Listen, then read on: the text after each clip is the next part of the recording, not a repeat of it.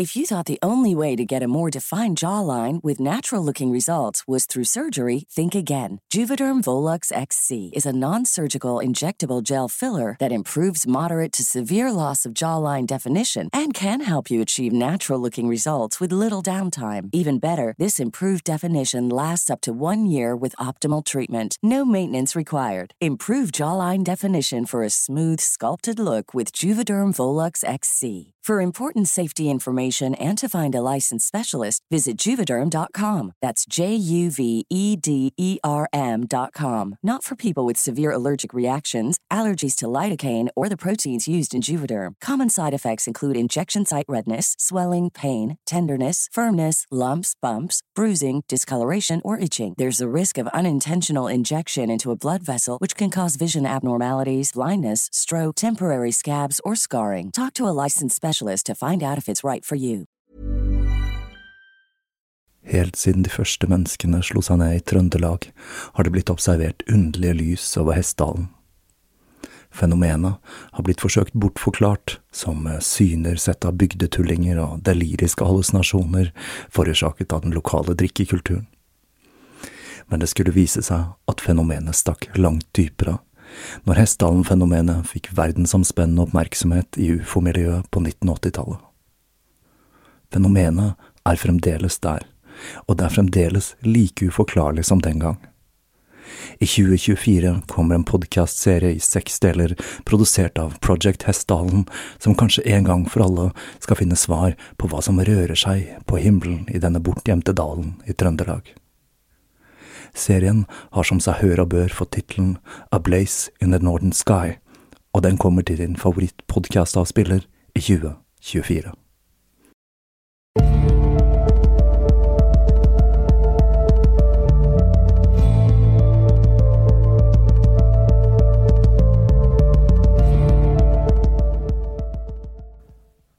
Hei og velkommen til Tåkeprat. Jeg heter Even, og når jeg tar opp denne episode 95, så er det lørdag den 23. februar 2019. Først så må jeg si at fantasien min om å ha hatt en slektning som var med Leif Eriksson, ble kraftig torpedert da jeg så litt nærmere på tidslinjen i gentesten min.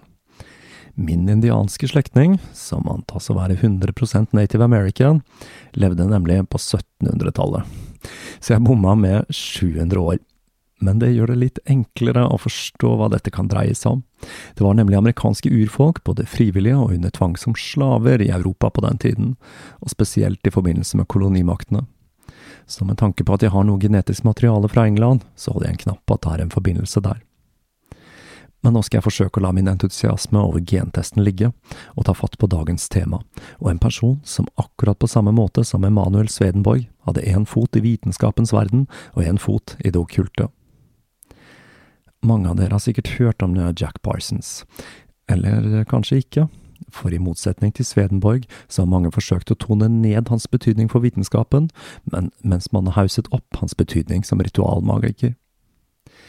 I denne serien skal jeg forsøke å danne et tydelig bilde av denne mannen, som i tillegg til å være en av grunnleggerne til et av de viktigste rakettforskningslaboratoriene i verden, JPL, som fremdeles er aktivt og i dag er eid av NASA, var i nær korrespondanse med Alice Crowley, anså seg selv for å være antikrist og forsøkte å skape en ny verdensalder med sine seks magiske riter. Hovedkilden jeg bruker til denne biografien er Sex and Rockets av John Carter. Carter har gjort et glimrende arbeid i å nøste opp livet til Parsons, men det skinner veldig gjennom at mannen har noe bias i forhold til enkelte deler av Parsons magiske arbeid. Her sikter jeg blant annet til hans tolkning av forholdet mellom John D og Edward Kelly. Men jeg har ikke tenkt til å dykke for dypt ned i detaljene til Parsons ritualer. Jeg må også si at til tross for at jeg er science fiction- og fysikkfan, ikke har inngående kjennskap til rakettforskning, utover det rent overfladiske. Så for de av dere som er eksplosive eksperter, og som hører på tåkeprat, så er det kanskje noe skuffende at jeg ikke kommer til å komme med detaljerte beskrivelser av hvordan han satt sammen de ulike typene brensel og eksplosiver han jobbet med. Men jeg vil tippe at de av dere som er interessert i den slags, allerede vet veldig mye mer om dette enn hva jeg gjør.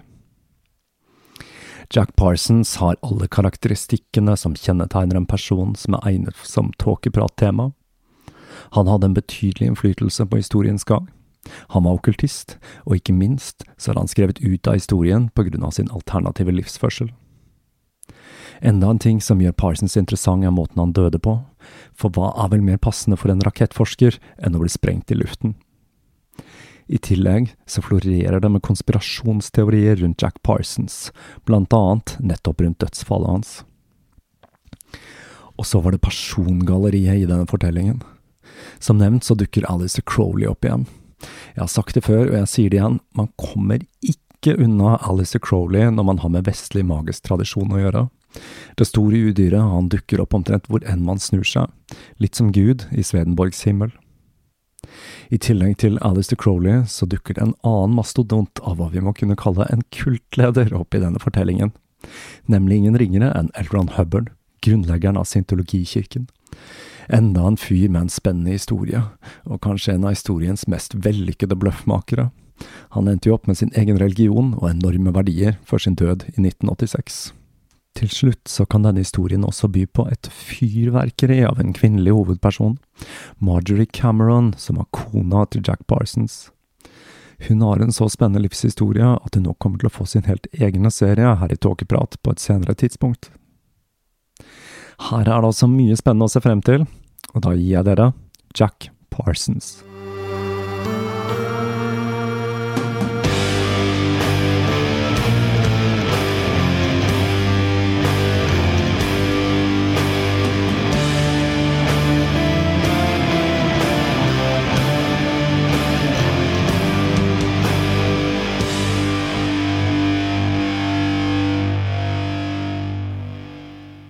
Jack Parsons var det andre barnet til Ruth Virginia Whiteside og Marvel H. Parsons. Marvel var fra Boston og Ruth fra Ohio, men de hadde møttes i California og giftet seg like etter. Det første barnet til de to hadde dødd like etter fødselen, og Marvel Whiteside Parsons så dagens lys den 2. oktober 1914, som tilfeldigvis var den samme dagen Jehovas vitner hadde forutsett verdens undergang men det var noen skjær i sjøen. Marvel senior han hadde et utenomekteskapelig forhold, og dette førte til at paret ble separert i 1914, noe som var spesielt i samtiden og ble svært uglesett. Fordi navnet Marvel minnet Ruth om sin utro ektemann, så begynte hun å kalle gutten John, og senere skulle familie og venner kalle ham for Jack. Men til tross for dette navnebyttet, som ikke var offisielt, så beholdt Ruth Parsons etternavnet til eksmannen. Dette gjør at det kan være noen navnforvirring rundt Jack Parsons. I de vitenskapelige miljøene ble han kalt John, og i det okkulte Jack. I denne serien så kommer jeg til å omtale han som Jack, for å unngå navnforvirring. Etter separasjonen flyttet Ruths foreldre til South Orange Grove i Pasadena, California, for å hjelpe datteren med å oppdra sønnen. Hva som skjedde med Marvel Parsons etter separasjonen, er ikke kjent. Han eh, tjenestegjorde en stund i militæret, og så er det mulig han døde en gang rundt 1922. Dette fraværet av en farsfigur skulle prege den unge Jack, og ifølge han selv så kultiverte hans mor et hat for faren som hadde forlatt dem. Og dette førte til at Jack tidlig utviklet en forakt for autoriteter, og følte seg fremmedgjort i selskap med andre barn som kom fra familier med to foreldre. Og igjen, ifølge han selv, så påkalte han Satan når han var 13 år, og han skulle ha lyktes med nettopp dette. I den samme perioden Jack skulle ha påkalt mørkets fyrste, møtte han en jevnaldrende gutt som skulle forbli en venn av han resten av livet, Edward S. Foreman. De to ble venner etter at Edward hadde forsvart Jack i en konfrontasjon med en mobber. De to guttene skulle finne ut at de hadde en del til felles. Begge var glad i science fiction, og gjennom science fiction så hadde interessen for raketter blitt tent noe som førte til at de to guttene hadde begynt å eksperimentere med gjennomlagde raketter i hagen til Jack.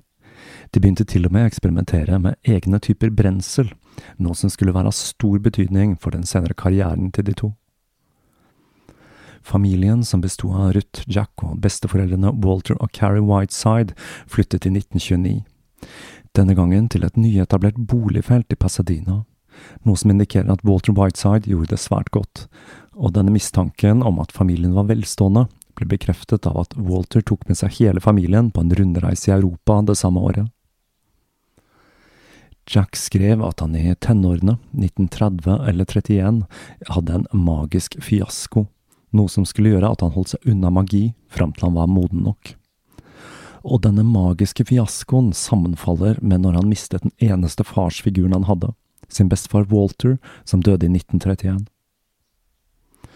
De to guttene fortsatte med raketteksperimentene sine, og i 1932 fikk Jackson jobb ved Hercules Powder Company of Pasadena, som var den første av mange jobber han skulle ha hos eksplosivprodusenter.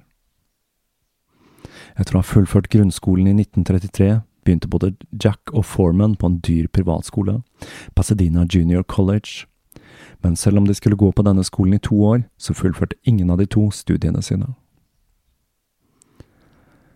Interessen for raketter gjorde at de etter hvert begynte å ta kontakt med ulike rakettforskere. Her er vitenskapsjournalisten Willy Ley verdt å nevne. Willy var en tysker som var et medlem av det tyske rakettselskapet i Berlin, på samme måte som Werner von Braun. Willy var på samme måte som de to opptatt av science fiction, og det er også han som skulle ha gjort resten av verden oppmerksomme på nazistenes forkjærlighet for det okkulte. Willy flyktet senere fra nazistene og til USA. De to kontaktet også rakettforskere i blant annet Russland og Frankrike. Men de forsto etter hvert at dette ikke kom til å føre noen vei, og at disse forskerne famlet like mye i mørket som de selv, og de sluttet etter hvert med denne korrespondansen. I 1934 flyttet familien igjen, denne gangen til et annet hus i Pasadena, og den nå 20 år gamle Jack fikk seg en jobb hos Halifax Explosives sammen med Foreman. I denne perioden kjøpte seg sin første bil, og bruktbilselgeren Robert B. Rypinski var en Jack skulle bli svært godt kjent med. Og det skulle senere ved en tilfeldighet være Rypinski som introduserte Jack for verkene til Alistair Crowley. De to kom svært godt overens, og dette ble starten på et årelangt vennskap. Og senere skulle Rypinski jobbe for nettopp JPL, eller Jet Propulsion Laboratory. JPL skal spille en svært sentral rolle i denne fortellingen. Historien om JPL starter på 20-tallet, og den var først kjent som The Guggenheim Aeronautical Laboratory California Institute of Technology, som forkortes med GALSIT. GALSIT ble grunnlagt av et medlem av Guggenheim-familien, og startet som et forskningssenter som utførte aerodynamiske eksperimenter. I 1926 ble den ungarske professoren Theodore von Karman direktør for Galsit. Karman hadde utført noen av de første europeiske vindtunneleksperimentene i Tyskland, og han hadde senere fått en stilling ved Den tekniske høgskolen i Aken i Tyskland. Karman var en karakter, og han var svært stolt at han var beslektet med rabbi Juda Løv ben Besalel, som var en jødisk mystiker som skulle ha klart å skape en golem. En golem det er en figur fra jødisk mystisisme, hvor en magiker gir liv til en skapning laget av død materie, som da gjerne er leire.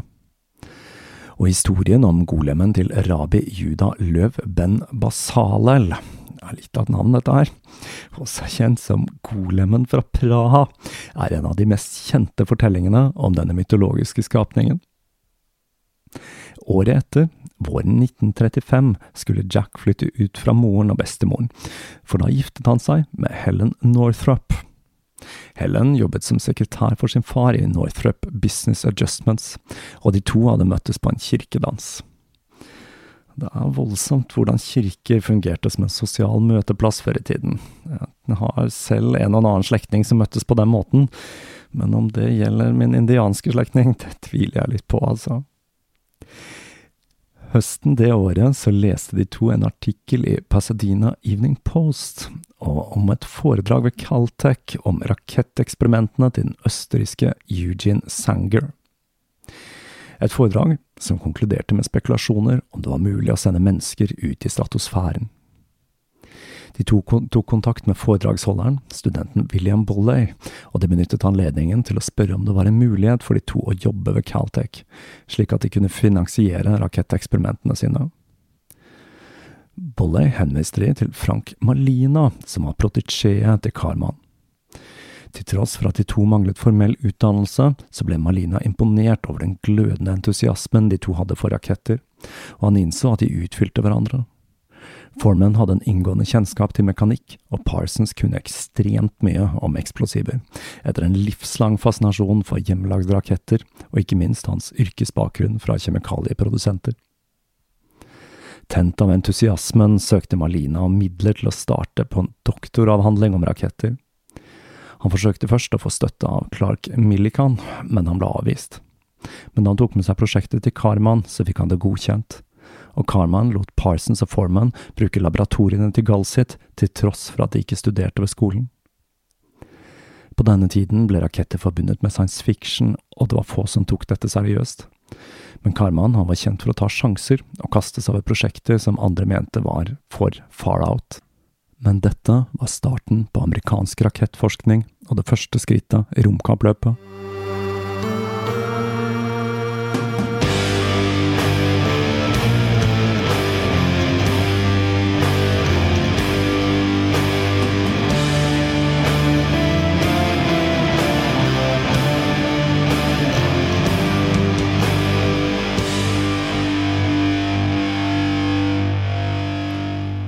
Lille gruppen utfylte hverandre.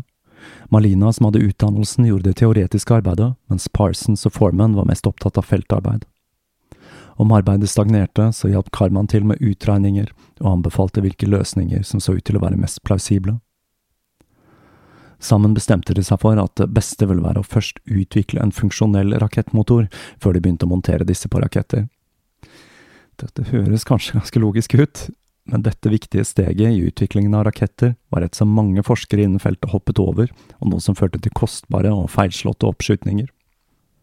Karman fikk Galsit til å leie et område i Arjo Seco like ved San Gabriel-fjellene, og det er akkurat her NASAs JPL ligger den dag i dag. Parsons begynte å utvikle en form for fast brensel, ballistitt, som ble presset til lange staver som skulle sørge for en jevn og sakte forbrenning men økonomien til gruppen var ikke på topp. Det var ikke mye penger i rakettforskning på den tiden, og Parsons og Foreman jobbet på Halifax i tillegg til å drive med eksperimentene ved Caltech. De så seg nødt til å betale for komponentene av egen lomme, og dette førte til at de så seg nødt til å kjøre på kryss og tvers av LA på utkikk etter brukte komponenter og sponsorer. Noe som høres til forveksling likt ut som min hverdag, bortsett fra at jeg driver med podcasting og ikke rakettforskning. Sommeren 1936 dro Malina til Roswell, New Mexico for å besøke Robert Goddard, som holdt på med et hemmelig rakettprosjekt. Goddard hadde tidligere besøkt Caltech etter å ha blitt invitert av Harry Guggenheim og Carman, som håpet at han ville la seg overtale til å begynne å jobbe for dem. Men det gjorde han ikke. Goddard hadde nemlig How would you like to look five years younger? In a clinical study, people that had volume added with Juvederm Voluma XC in the cheeks perceived themselves as looking five years younger at six months after treatment. Look younger, feel like you. Add volume for lift and contour in the cheeks with Juvederm Voluma XC. Reverse signs of aging by adding volume to smooth laugh lines with Juvederm Volure XC. For important safety information and to find a licensed specialist, visit juvederm.com. That's J U V E D E R M.com. Not for people with severe allergic reactions, allergies to lidocaine, or the proteins used in Juvederm. Common side effects include injection site redness, swelling, pain, tenderness, firmness, lumps, bumps, bruising, discoloration, or itching. There's a risk of unintentional injection into a blood vessel, which can cause vision abnormalities, blindness, stroke, temporary scabs, or scarring. Talk to a licensed specialist to find out if it's right for you. Sponsorer i Roswell. Og med Malinas besøk der, så håpet han at han kunne få en stilling ved laboratoriet i Roswell. Men det skulle vise seg at Goddard ikke var ute etter en å samarbeide med forskningen om, men kun en som kunne gjøre det tunge arbeidet han selv ikke var interessert i å gjøre. Skuffet så dro Malina tilbake til Caltech, hvor gruppen hadde blitt utvidet med tre nye medlemmer. Apollo M.O. Smith, Carlos Seawood og Rudolph Scott. Av de tre så var det bare Smith som hadde en bakgrunn fra Caltech. De to andre var kun to karer fra byen som hadde ruslet opp til testområdet og spurt om de kunne hjelpe til. Altså to tilfeldige karer som syntes det var kult med raketter. Den høsten fikk Malina en ny romkamerat, Martin Summerfield. Summerfield og Malina hadde akkurat den samme akademiske bakgrunnen, og de to ble raskt gode venner. Malina ble mer og mer klar over at han hadde langt mer til felles med Summerfield enn med Parsons, og dette var den første spikeren i kista på samarbeidet mellom Malina og Parsons. Summerfield skulle senere slå seg opp og fram innen rakettforskning. Han har til og med en egen formel, som heter Summerfields forbrenningsrate. Halloween 1936 er datoen JPL regner som dagen organisasjonen ble til. En fotograf tok bilder av gruppen mens de poserte med testutstyr, et bilde som i dag blir referert til som The Nativity Scene. Gruppen hadde begynt å jobbe med to ulike løsninger, fast og flytende brennstoff, for å finne ut hvem som var mest egnet til raketter. At uh, organisasjonen regner seg selv som grunnlagt på nettopp halloween, er jo ganske festlig og treffende med tanke på hvem Jack Parsons senere skulle bli.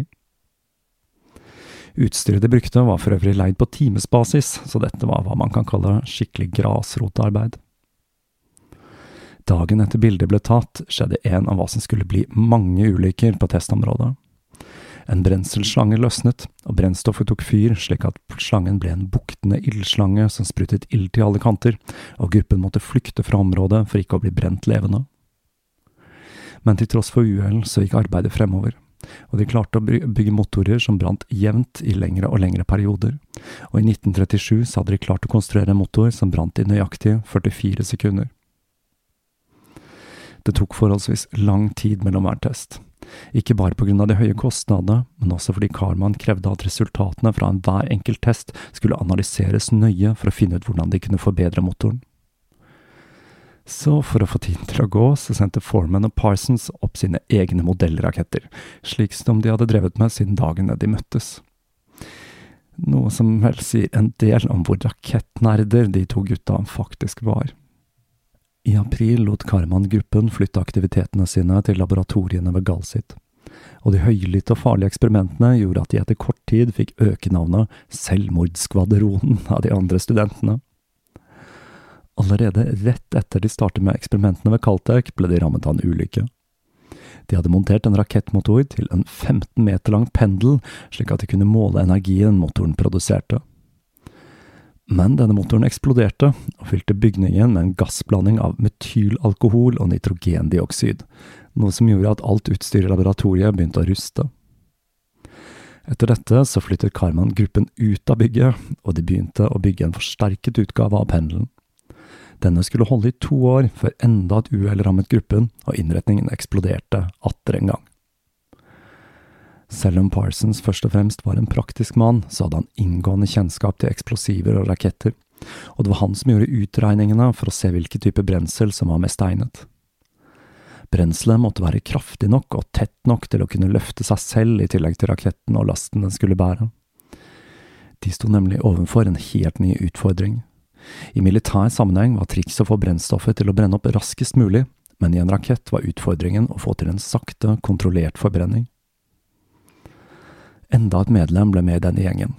Denne gangen en kinesisk student, Su Shen-Chen, og han delte rom med en meteorologistudent som støttet gruppen finansielt med 1000 dollar i små sedler han overleverte innpakket i avispapir. De tok gladelig imot pengene og satte de inn i et fond, uten å spørre om hvor disse mistenkelige pengene kom fra.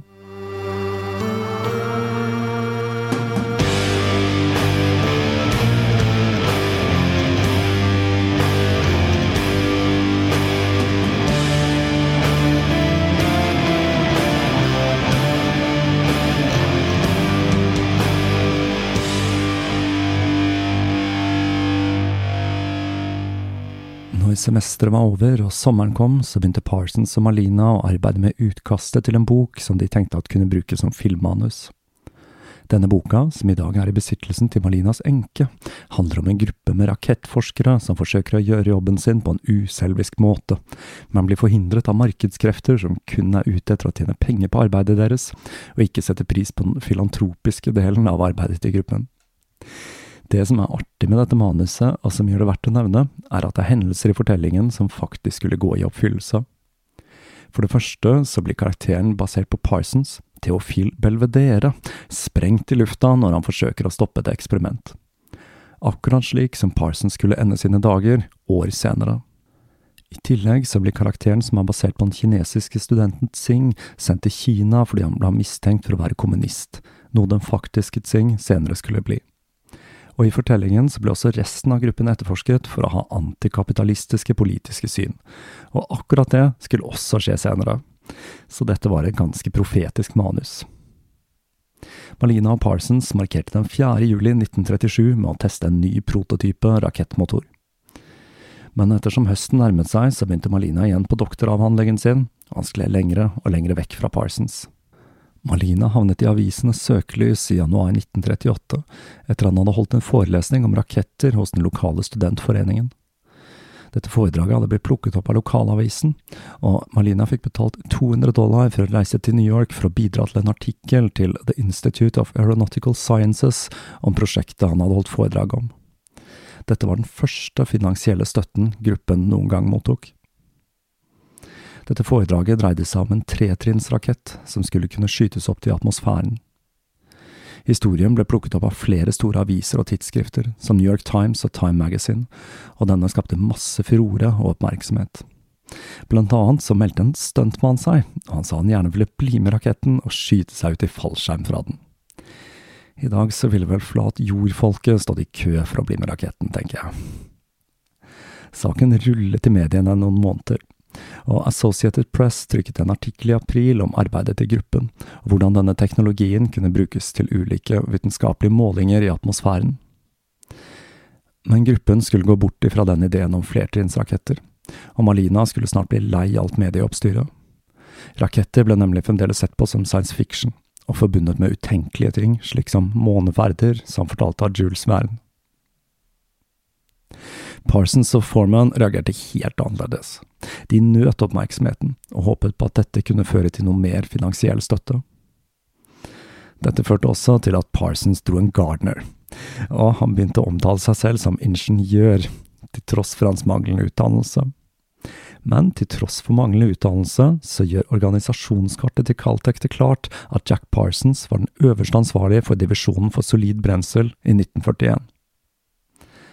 Parsons entusiasme for eksplosiver hadde gjort at han i ungdomstiden hadde oppsøkt ulike steder for å se hvordan ulike typer eksplosiver eksploderte. Og det var nettopp hans kjennskap til eksplosjoner og spor etter ulike typer sprengstoff som gjorde at Caltech hadde utnevnt Parsons som deres fremste sprengstoffekspert, og dette gjorde at han befant seg i en rettssal i mai 1938. Og det var ikke en hvilken som helst rettssak Jack Parsons hadde blitt kalt inn til, men en drapssak. Han var kalt inn som en ekspert i en rettssak som skulle vare i flere måneder. Rettssaken dreide seg om en bilbombe, og de tiltalte var Earl Kinnett, Roy Allen og Fred Brown, alle sammen fra LAPD. De var anklaget for å ha plassert en bombe i bilen til en annen politimann, Harry Raymond, den 14. januar. Harry hadde nemlig vært narkotikapoliti, og det ble mistenkt at de tre anklagede hadde vært involvert i shady business, at Harry hadde kommet for nære. Parsons bygde en modell av bomben han mente var blitt brukt, en rørbombe, og forklarte at den måtte ha inneholdt en halv kilo med komprimert pulver og biter av metall. Entusiast som han var, så lagde han en kopi av bomben og sprengte et bilvrak med den på fritiden. Politiet nektet å vitne mot tre av sine egne, men de tre ble like fullt dømt for drapet. Under rettssaken mottok aktoratet en bombetrussel fra en som hevdet å være ansatt i LAPD. Ingenting skjedde der og da, men dette kan ha noe å gjøre med Parsons død 14 år senere. Etter enda en artikkel i avisene hvor Parsons og Foreman eh, poserte med en flertrinnsrakett, ble gruppen oppsøkt av en offiser fra militæret. Men til Parsons skuffelse, og Malinas glede, fortalte han at det var liten militær bruk for raketter, og at militæret ikke var interessert i å støtte prosjektet finansielt. Dette markerte enda en splittelse mellom Parsons og Malina. Malina ville ikke at teknologien skulle brukes til krig, mens Parsons var kun interessert i å få den til å virke, og brydde seg lite om hvor finansieringen kom fra. I tillegg var Malina frustrert over at Parsons og Foreman var borte fra prosjektet i lengre perioder, da de måtte jobbe for å få endene til å møtes. Men det finansielle skulle heldigvis løse seg, når gruppen faktisk fikk støtte fra militæret. Denne gangen på grunn av general HH Arnold, som var litt mer fremtidsrettet enn sin kollega. Han sprøytet inn 10 000 dollar i prosjektet, og en av tingene han var interessert i, var hjelperaketter til ordinære fly, som ville gjøre det mulig å ta av med mer last. Arnold kjente til gruppen fra før. Han hadde nemlig snakket med Malina Karman et år tidligere, og etter at MIT hadde takket nei til jobben med bærerakettene, så var Karman og gruppen til Parsons det åpenbare valget for denne Reodor Felgen-oppgaven. I 1939 ble prosjektforslag for bærerakettene lagt frem for Caltech med et estimert budsjett på 80 000 dollar i året. Gruppen startet med arbeidet. De leide seg et område hvor de satte opp brakker hvor de kunne jobbe. Og arbeidet det gikk ganske hardt for seg, som vanlig, og en eksplosjon i Caltech forårsaket av gruppen førte til skader for 10 000 dollar. Igjen så skrev avisen om prosjektet. Denne gangen så svarte gruppen litt irritert at det slett ikke dreide seg om en bemannet måneferd, men muligheten for å drive med ting som forskning i den øvre atmosfæren. Ting begynte altså å se litt lysere ut, både økonomisk og forskningsmessig, til tross for en og annen eksplosjon. Men det var nå livet til Jack Parsons skulle ta en brå snu. I biblioteket til Robert Rypinski, Parsons bruktbilselgervenn, så oppdaget Parsons en bok, Alistair Crowleys Kungs om Pax. Rypinski hadde selv aldri helt fått grepet om innholdet i boka, men Parsons han ble helt bergtatt. Rypinski ga den til Parsons, som like etter fortalte at han hadde kommet i kontakt med forfatteren.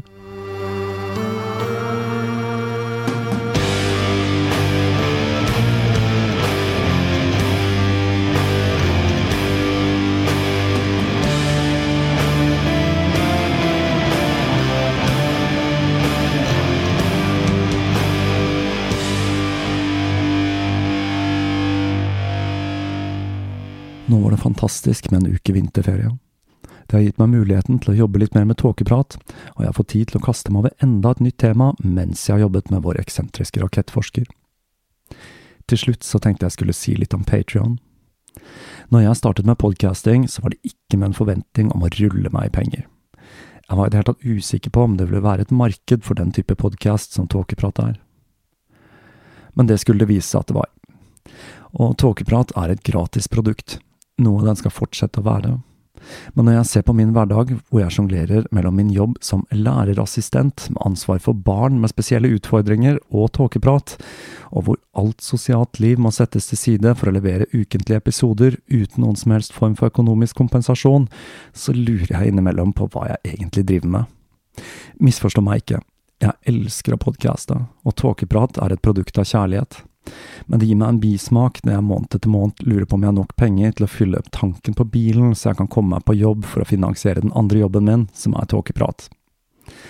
Ja da, jeg har havnet under paraplyen til moderne media, men i praksis så betyr det veldig lite.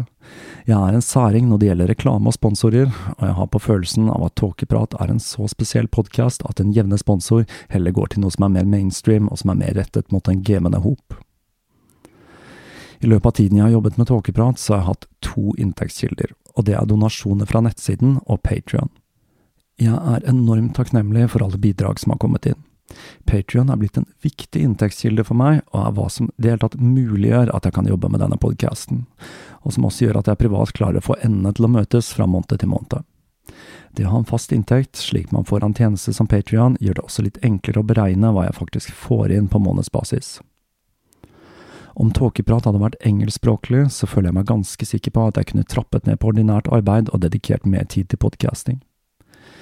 En god venninne fortalte meg nylig om hvordan en av hennes venner nå klarer å livnære seg helt og holdent via en engelskspråklig YouTube-kanal, og det fikk meg til å tenke litt.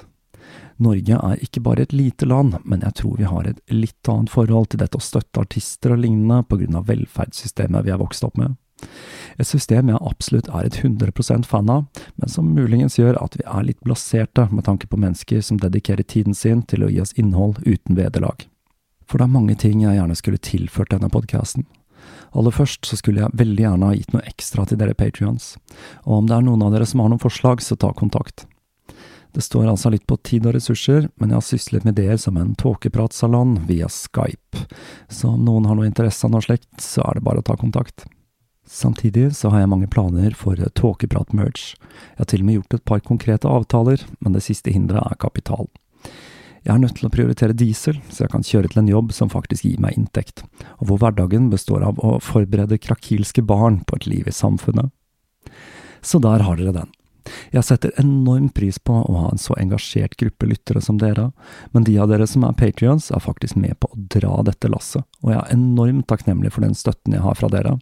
Om dere gir meg 10, 50 eller 100 kroner i måneden, så vil jeg dere skal vite at støtten deres er hva som gir meg motivasjon til uke etter uke ofre mitt sosiale liv på alteret som er tåkeprat, for å kunne gi denne podkasten gratis til hele Norge. Og med det så forbereder jeg meg på å avslutte en sårt trengt vinterferie og gyve løs på den hektiske hverdagen. Jeg ønsker dere alle alt godt.